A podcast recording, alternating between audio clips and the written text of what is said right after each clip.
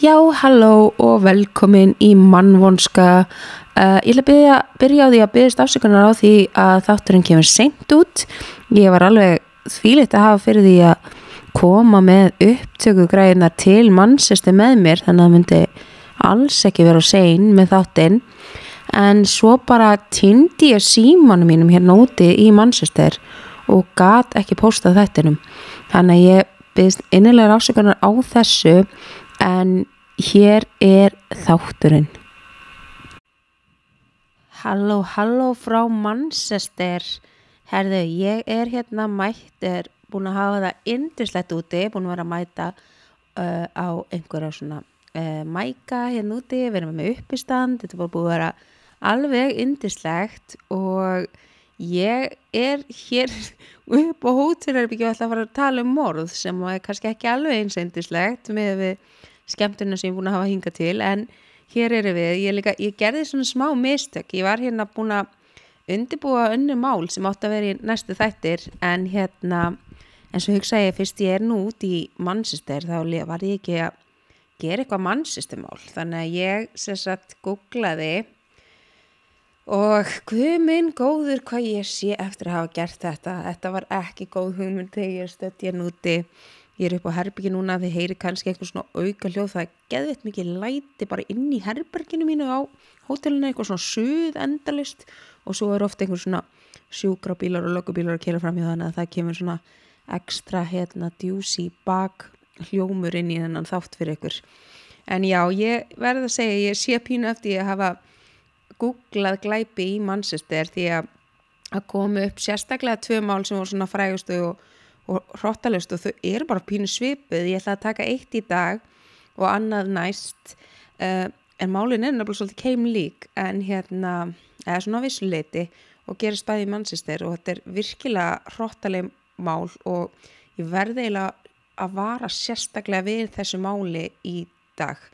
Uh, ég veit að þetta hefur ekkert allt, þú veist, flest af þessu hefur verið alveg, nú, þú veist, alveg hróttalegt eitthvað, eða, þú veist, en hérna þetta er þetta er virkilega hróttalegt mál og hérna þetta er mál sem ég þekkti.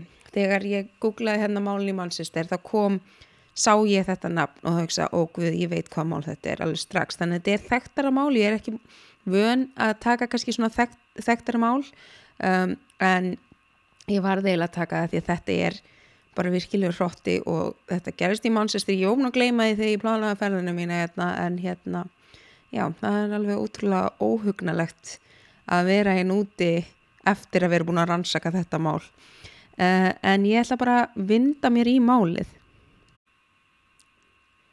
18. mæ 1978 í Hattersley litlum bæri í Manchester tóku Tommy og Margaret Bates óvand að móti dóttur sinni Kelly en hún kom tveim vikum fyrir settandag og var þá bara pínu pons en alveg heilbreytt bann Hún var með svakalega luppa þegar hún fættist og voru fóldrann í skíunum við viðbútuna og lístu henni sem einstaklega róluðu batni.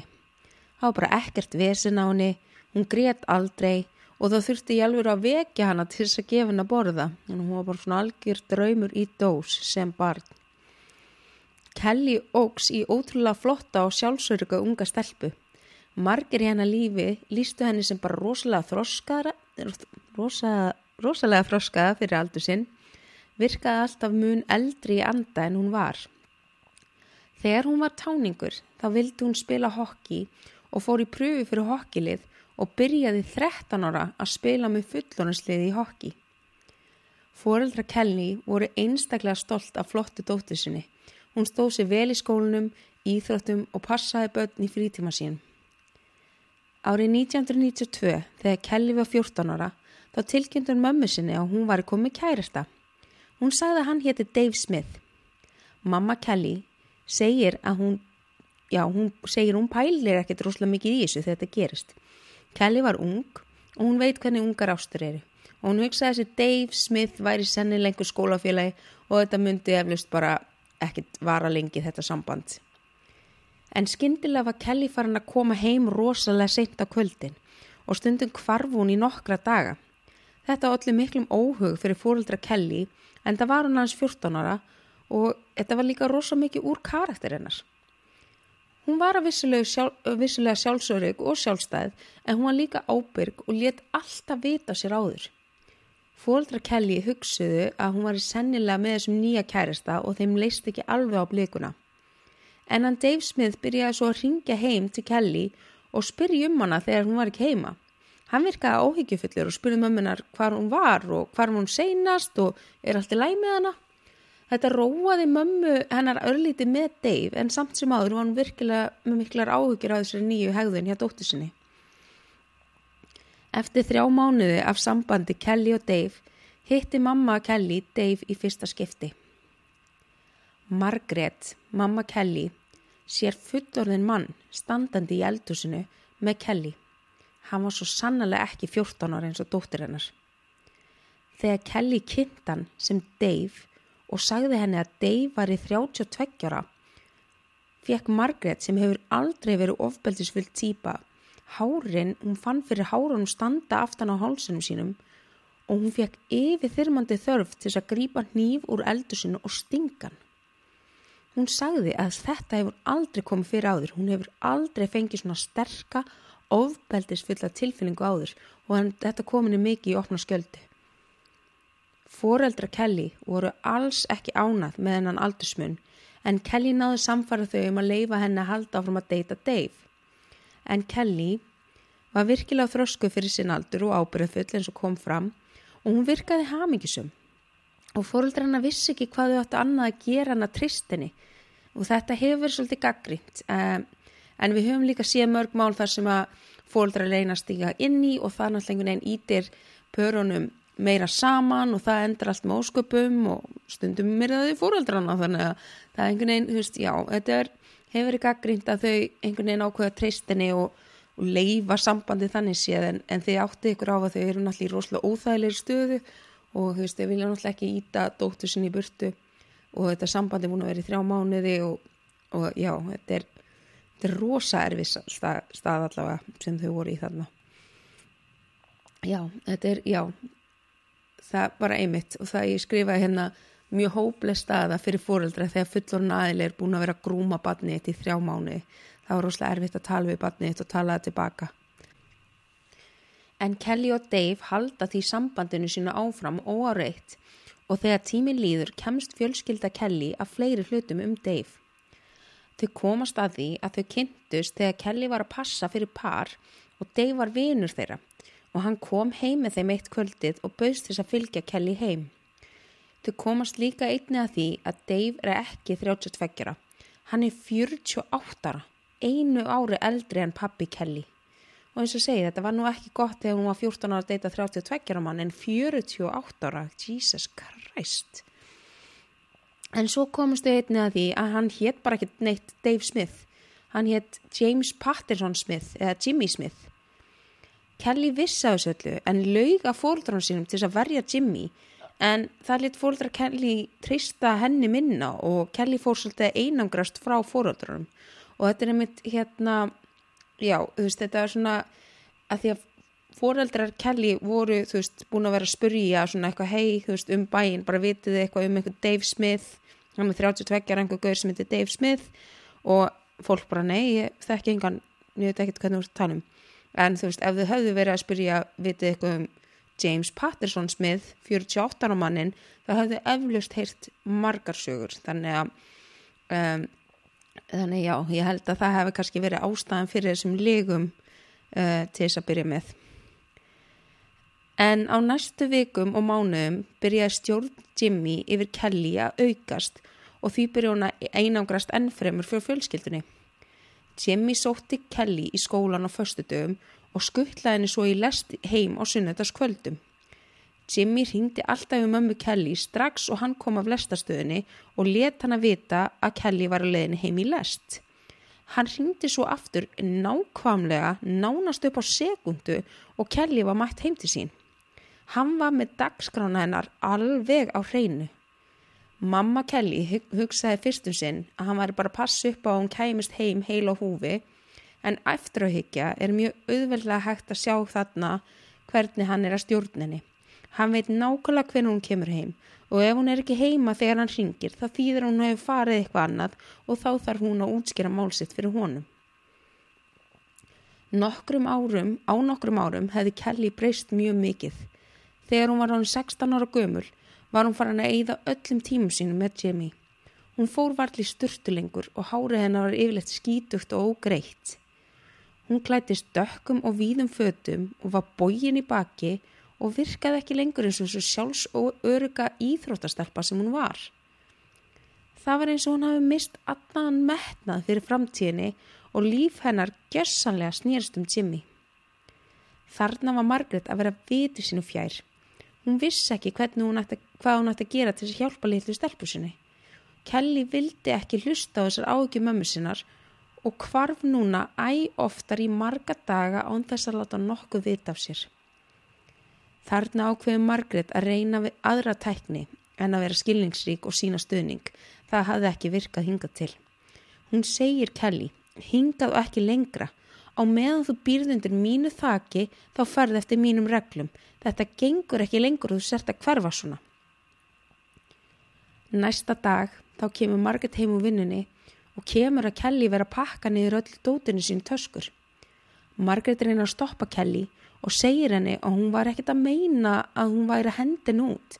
Hún vildi alls ekkert hún færi. Kelly hættir að pakka og snýri sér á mömmu sinni og Margaret var hnút í magan. Helmingur af andleti Kelly var marið. Margaret hafði aldrei sér neitt í líkingu við þetta. Kelly útskýrði fyrir Margareti að þegar hún var að lappa heim það hafði hópur á stúlkum ráðist á hana og skilið hann eftir meðvindardalauðs á götunni. Ungt par hefði fundið hana og farið með hana heim til sín svo hún geti jafna sig. Margit fannst sagan skrítin og skrítið að parið hafi ekki farið með hana heim til sín eða á spítala eða ringt á laurugluna. Þetta vakti mikinn óhug hjá Margreti en hún var með tilfinningu að dóttirinnar væri að ljúa en hún átti samt erfitt með að við fengja söguna. Næstu mánuður voru hryllingur fyrir fóröldra Kelly. Kelly flutti út og inn til Jimmy og þar, þau sáu hana æg sjaldnar en þegar hún kom heim þá tók Margit alltaf eftir einhverjum sárum á henni. Margit var, tók eftir fingramóti í marblettum á hennar hálsi og höndum. Kelly var alltaf með afsökunir. Hún dætt, hún rakst í hörð og svo frammiðis. Margit var alveg ráðalus. Kelly vildi ekki segja henni satt en hún vissi samt að það væri eitthvað virkilega að í sambandi Kelly og Jimmy. Hún gerði það sem hún gatt. Hún ringdi í samtök fyrir heimilisofbeldi í heimabænum sínum og þau ráleði henn að panta tíma í nafni Kelly hjá heimilislækni en fara svo sjálf í staðan fyrir Kelly og segja lækninum frá grunnsendinum. Þannig að næst ef að Kelly fer til læknis þá er þessi grunur skrá hjá lækninum og þá gæti þau fylst með þessu skráð þetta hjá sér án þess að Kelly þurft að segja nokkuð sem ég er mjög sniðugt. Þannig eins og til dæmis ef að Kelly myndi koma að því hún var í handlersbrotin til læknisins þá sér læknirinn að hún með skrá á það grunur um heimilsofbeldi og þá myndi læknirinn vantarlega aðskilja hann og Jimmy og reyna að fá sögun og, og hjálpenni ef að, ef að veist, það kæmi til þess. Þannig að þetta það er gott ráð en því miður uh, spoiler alert skiljaði þessi ekki neitt í þessu máli en Margaret vissi eiginlega bara ekki hvað annað hún gæti gert uh, hún reyndi að tala um þetta við Kelly alltaf þegar hún reyndi að fá einhver svör og reyndi að íta eitthvað á hana þá lokaði Kelly bara meira á hana. Þannig að hún gæti eiginlega ekkert gert og var bara að fylgjast með henni, með henni í fjarlag það er eiginlega hún vildi frekar geta gert það heldur hún myndi bara alveg loka á sig. Þannig að hún einhvern veginn fór ekkert eitthvað mjög hart að kelli með þetta. Aftur er eitthvað sem hefur verið gaggrænt mjög mikið en guðminn góður hvað ég get skilið hana og þetta er bara rosalega óþægilega og erfið staða til þess að veri og hún var gerðsamlega að reyna sitt besta. Uh, en þegar Kelly var hann 16 ára þá gætt barnavend ekki lengur hjálpað. Margeti, já, geti ekki lengur hjálpa Margeti með málið og þá var hann alveg gerðsanlega hjálpulegs en barnavend var nú ekkert mikið að hjálpa yfir höfuð, mér finnst eins og það þegar hún var flutt út og indi Jimmy á hún var 16 ára, mér finnst eins og það mögulega hefði barnavend geta eitthvað stokkið inn í en það var ekki gert. Og þegar hún var hún 16 ára þá bara, þá var það bara búið. Þannig að þá fekk hún enga hjálp lengur frá þeim. Uh, nokkrum vikum setna það tekur Margaret eftir bitfari á hendi Kelly. Hún spyr hann út í farið og Kelly segir hún hafi verið að hlaupa eftir strætó og datt og skar sig á hendinni en þetta var augljóslega bitfar og bara mjög djúft bitfar og Margit hugsaði að árásinn hafi eflust verið einstaklega gróf í þetta skipti og grátt byður Kelly að fara frá Jimmy. Þannig var hann ekki lengur að dansi kringum hlutina þegar hún sér þetta. Og, en Kelly hlustaði ekki á hana og aftur ítir henni enn meir í burtu. Hún segi mömmu sinni að hún mun bara koma sjálfnar heim núna og hún var að fá einhverja vinn í versmiðju og hún væri bara alltaf upptekinn fyrir heimsóknir þannig að við myndum ekkert sjást mikið eftir þetta. Margaret er vitið sínu fjær með áhygjur en hún veit ekki hvað hún á að gera. Tilrunir hennar til þess að hjálpa Kelly hafa aðeins íttinn í burtu og núna er Kelly alveg hægt að koma heim en hún ringir öðru kóru. Á mæðradaginn þá fær Margaret sett kort frá Kelly en það virkaði ekki eins og það var í hennar skrift. Margeti fannst líka skrítið að hún hafi ekkert ringt eða komið því það var mæðradagurinn og hún var vön að gera það. Nokkrum veikur setna átti Tommy, pappi Kelly, ammali og þau brúk, og þau, sérst, Tommy og hérna Margeti átti brúkusamali eh, en aftur þá barst bara kort í förðulegu skrift en ekkert símtal og engin Kelly og þetta kort var eins og þau lísti þessu, þetta var svona eins og einhver hefur verið svona að skrifa alltaf aftur ofan í stafina nokkru sinnum og þú veist, það bara, hún, það var ekki hægt að, veist, þekkja skriftina þá því að hún skrif onni þetta svona oft en af hverju ætti hún að gera það, þú veist, það er bara mjög skrítið og, og þau, þau, já, þau voru hérna farin að gruna eitthvað allan að Margaret og á þessum tímapunkti þá byrja bara Margaret að gráðbyðja Tommy um að fara bara heim til Jimmy og heimta að Kelly kæmi heim. En Tommy var, var með svo miklar ágjör að þau myndi gera það þá myndi þau bara íta Kelly fjárfræðum og gera aðstæðina verri fyrir hana. Já, hann hugsaði, þú veist, ef við komum og við erum með einhver læti og eitthvað svona og þú veist, hún mun ekkert fara með okkur og þetta mun bara vera verra fyrir hana og hún mun bara alveg hægt að tala við okkur, hún mun þá ekki eins og hringja eða senda kort lengur. Þannig að hann vildi ekki fara þessa leið en Marget var bara með einhverja hræðilega tilfinningu og hún bara var að gráðbyggja henni um þetta. En hann hugsaði að hún hlýtur að átta sig á því hversu slæmar aðstæður þetta eru og koma sjálf heim. Og hann vildi bara henni liði eins og hún gæti alltaf komið heim en ekki eins og hún væri einhver stríði við þau en Kelly hafði aldrei tækifæri til að snúa tilbaka til þeirra. Það sem Margit og Tommy vita ekki er að þarna var þetta nú þegar orðið of seint.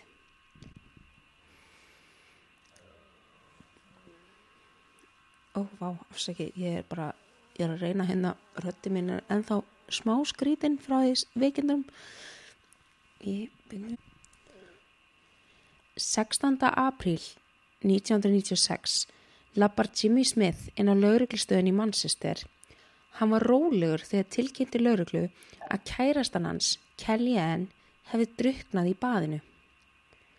Lauruglan kom á vettvang og uppgötaði Kelly nakta látna í söpnerbygginu og hryllingurinn sem lauruglan sá var eitthvað sem mun setja eftir í breytum þar sem eftir er.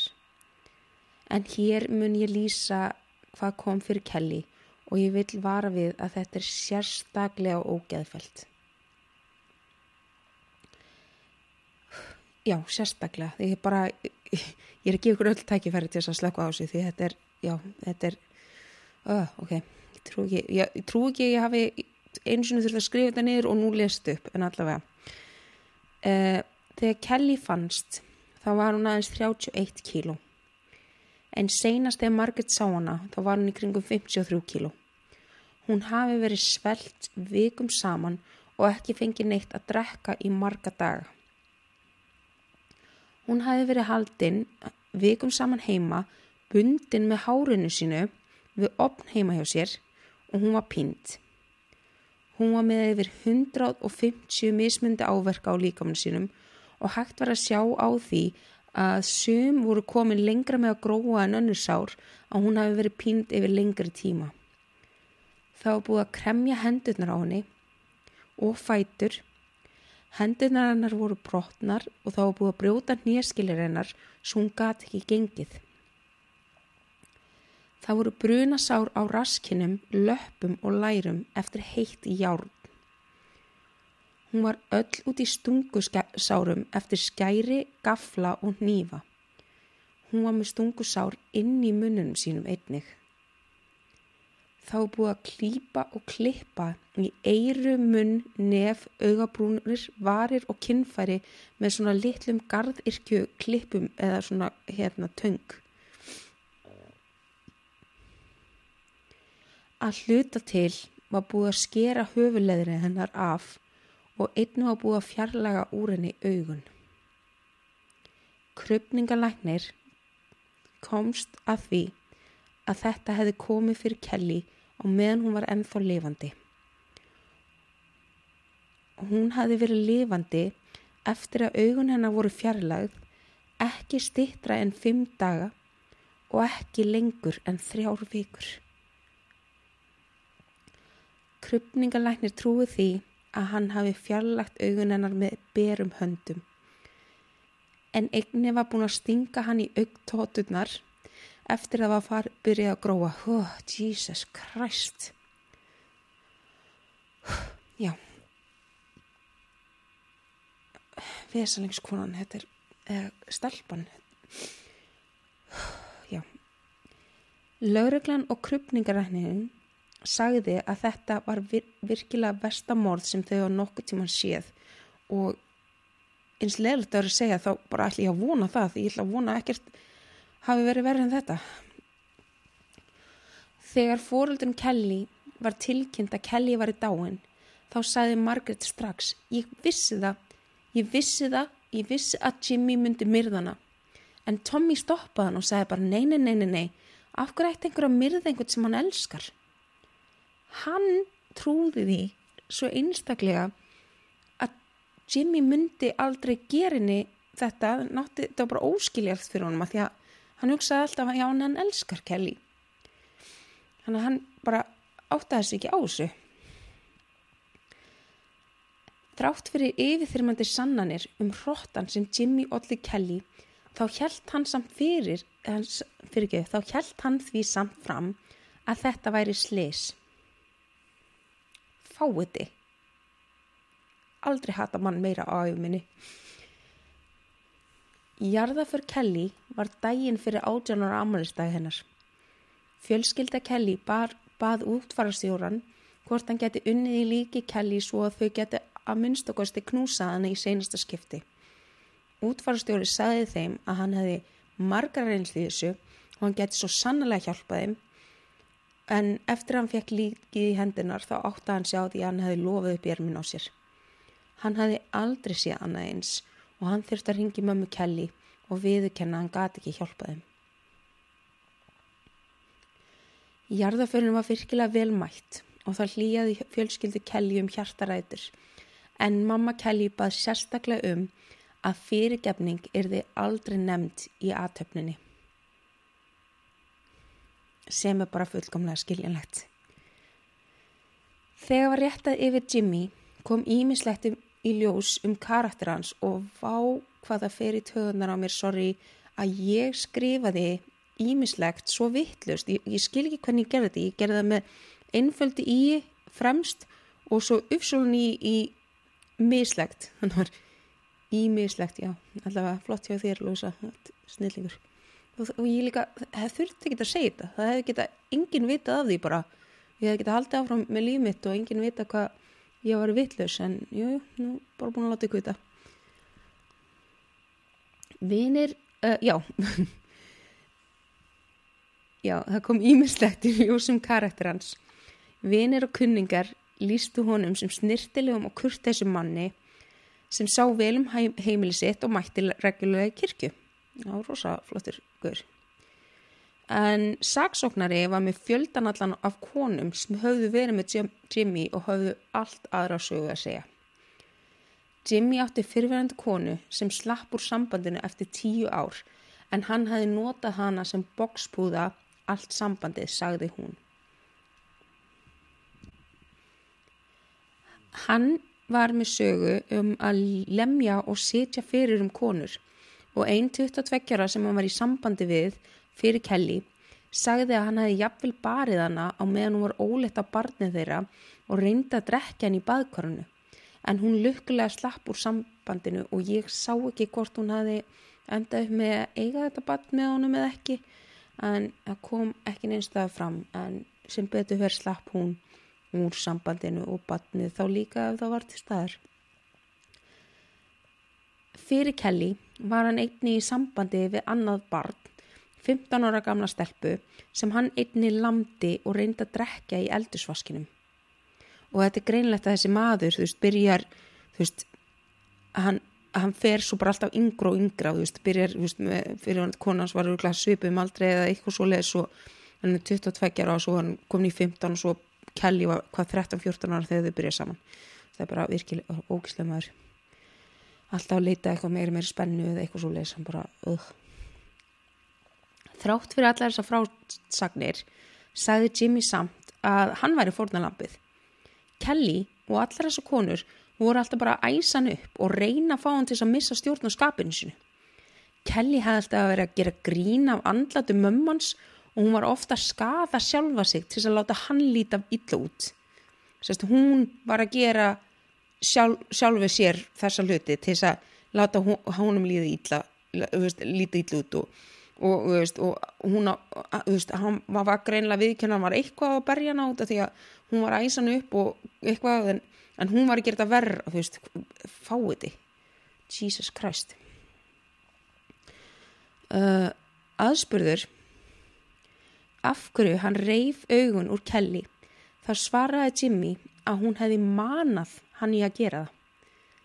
Hann í alvöru sagði að hún hafði manað hann í að rýfa úr sér augun og framkvæma þessar píningar á hann. Það tók kviðdómyndir aðeins klukkutíma í að ákvara það að Jimmy var segur og hann var dæmdur í fangelsi til lífstíðar, lámark 20 ár. En það er eitthvað svona breskur réttakerfi, ég held að hann er bara hérna ekki að fara út úr fangelsi þessi maður. En þetta var fyrsta skipti í dómsögum mannsistir sem að kviðdómöndum var bóðið áfallahjálp eftir málið því að þau þurft að sjá náttúrulega myndir og heyra hróttalega frásögnir. Og hver ein, einn og einasti meðlum með kviðdómönda þáði bóðið en í dag situr hann James Patterson Smith en þá í fangelsi sem betur fyrr en hann hefur nú alveg reynd að komast út úr fangelsi og nú bara í november í fyrra þá reynd hann að komast út fá reynslust og því var hafnað. Og ég hérna var ekki búin að skrifa þetta í málið, ég endaði það þarna en ég fattaði að mér fannst að vanta svona svolítið klósir þannig ég var að googla hérna grein, hann að ég er svolítið að þýða þetta, ég byrst afsökunar á því en hérna hann nefnilega segir sagði sérst að hann með sannanir fyrir því að hann er breyttur maður í dag. Og hérna og sem sagt nefndin sem var að fara yfir málina, máliðans sem sögðu að þau tóku ákvarðinir bara sérst, að þau voru bara fókus á áhættuna sem að fangin myndi vera fyrir almenning þegar hann færi út í samfélagið og þeim fannst það bara vera rosa mikið áhætta að þessi maður myndi brjóta aftur af sér og ég er bara fullkomlega samúla. En í upprunnulega málunu sagði einmitt dómarinn við hann að þú ert virkilega hættuleg manneskja, þú ert ofbeldismadur gagvart konum og ég ætla mér það sem er í mínu valdi að halda þér þannig að þú mynd ekki valda neinum skada lengur. Og hann mun öruglega bara aldrei gera það. Mér er mjög ólíklegt að hann kom aftur úr fangilsi þegar mér síndist allan að þú veist þau komu með uh, það voru hundreds of pages af þú veist, testimony frá þú veist, þau, hann, hann er alltaf búin að vera sálfræðingum og hitt og þetta til þess að fara yfir þetta hérna, hvort það var hægt að hleypa honum aftur út í samfélagið. Og það var bara ekki já, kom ekki til greina. Enda líka, hann tók aldrei ábyrð á, á þessu, allan ekki réttarhöldunum og mér síndist, ég gæti ekki séða allan því sem var gefið út um, í þessu hann að parólhýring að hann hafi, þú veist, hann segist þér að breyttur maður en hann er ekkit að gangast við þessu, þú veist, hann var að segja réttarhöldur um alltaf bara neina, nei, þetta er allt þeim að kenna þessar konur og þær voru að íta mér áfram og það var bara óvart og ég þú veist, hann var aldrei að taka ábyrð og ef þú ert ekki að taka ábyrð þá getur ekki verið breytt manneskja.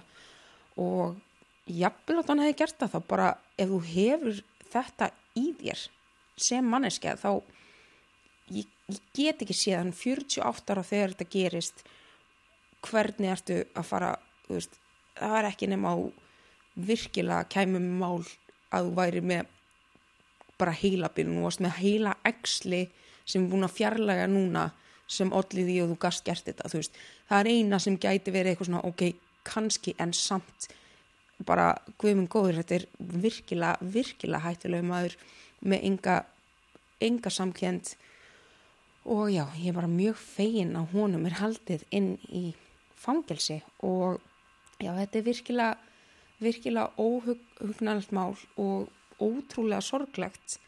Og hérna, þetta er bara svona, það er ótrúlega erfitt að lesa frásagnanda, margir þetta kemur svona mest frá henni þessar frásagnir og bara, þú veist, maður finnir svo mikið til með henni að því maður finnir bara svona vonleysið í öllu og það var einmitt talað um, það var kvóti en þetta var, þú veist, hróttalegt morð sem gerði samt í slow motion, þú veist, bara, þetta er einhvern veginn, þú veist, þetta var allt samt að gerast svo hægt og það voru einhvern veginn, það var allir að sjá hvað þetta var stefni en náttúrulega enginn gæti ímynda sér að þetta myndi enda á þann hátt sem þetta endaði. Og já, þetta er bara virkilega, virkilega ræðilegt um, Ég vil taka fram að uh, ef að þú ert í ofbeldissambandi eða þekkir einhvern í ofbeldissambandi þá náttúrulega auðvitað þú veist er hægt að ringa í neðlínuna en það er líka hægt að hafa samband við hvenna atkvarfi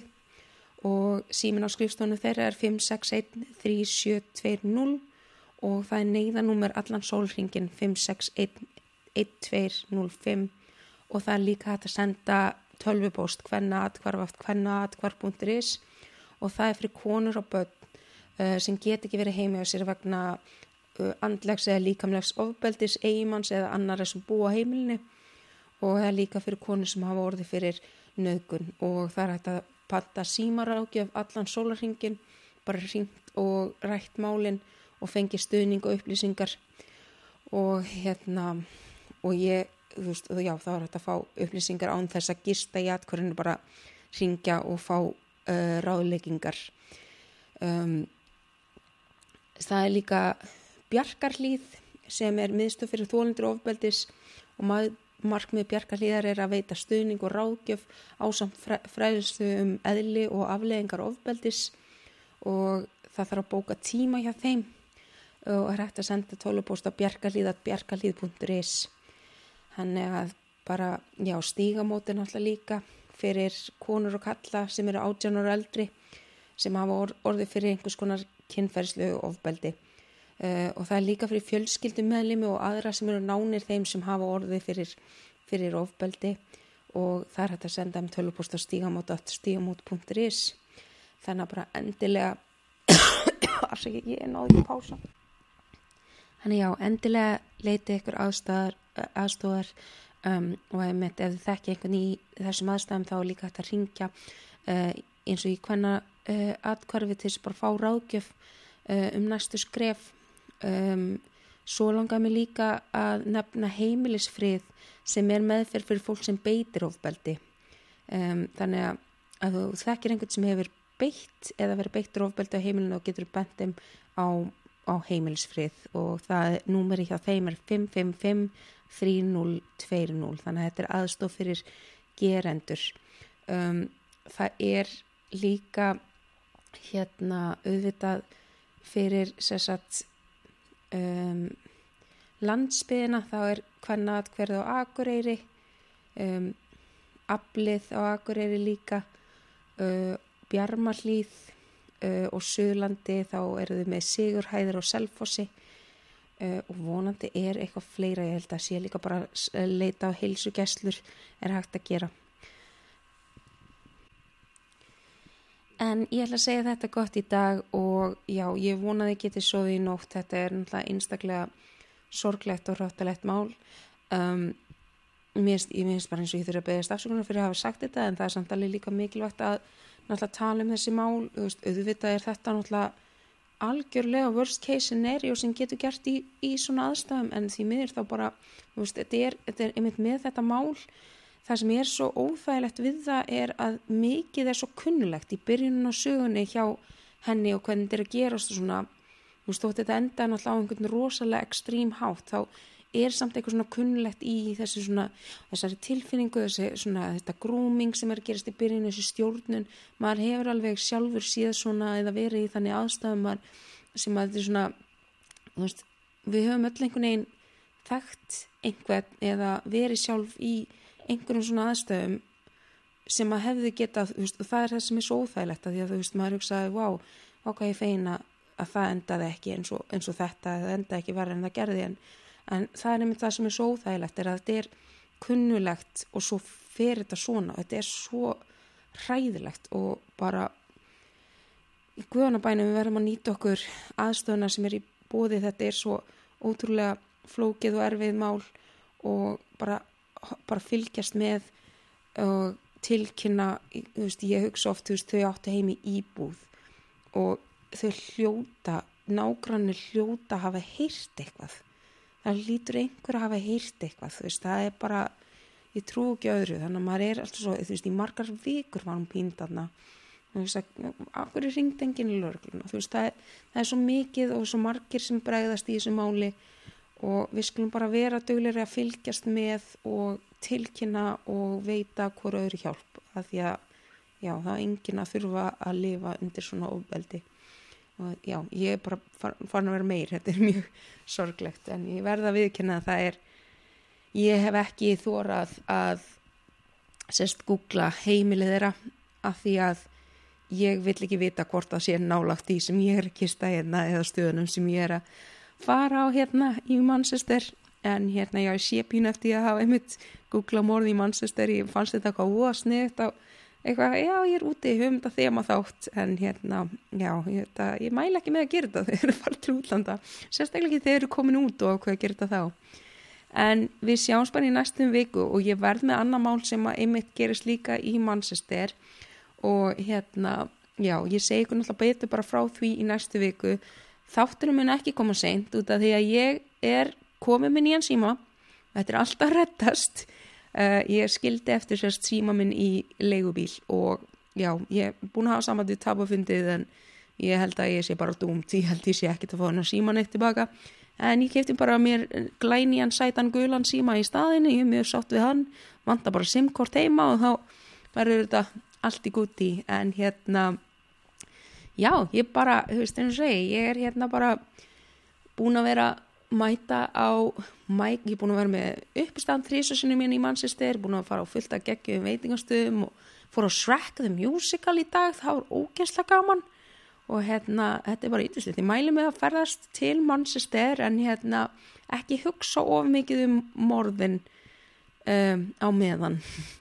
En við sjáumst bara í næstu viku, takk fyrir að hlusta og ég vil líka þakka þólimæðina og ég líka þakka þeim sem voru óþólimöður út af því að ég kunni svolítið að meta það að fá svona skilabóð sem var eitthvað svona hei hvað er þáttur? Að því ég hef ó ég, fólk var að býða eftir þætti ég veist gott að það var einhver sem saknaði mín. Þannig að það, ég kunni líka meta óþólumöðun en það var samt engin eitthvað reyður bara svona spyrja að hvað hefði gerst.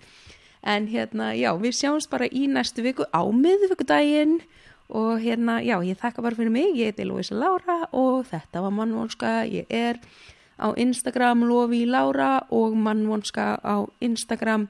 Titilægið er eftir hann Magnús Jón Aðsteinsson, hann er Magnús Jón á Instagram.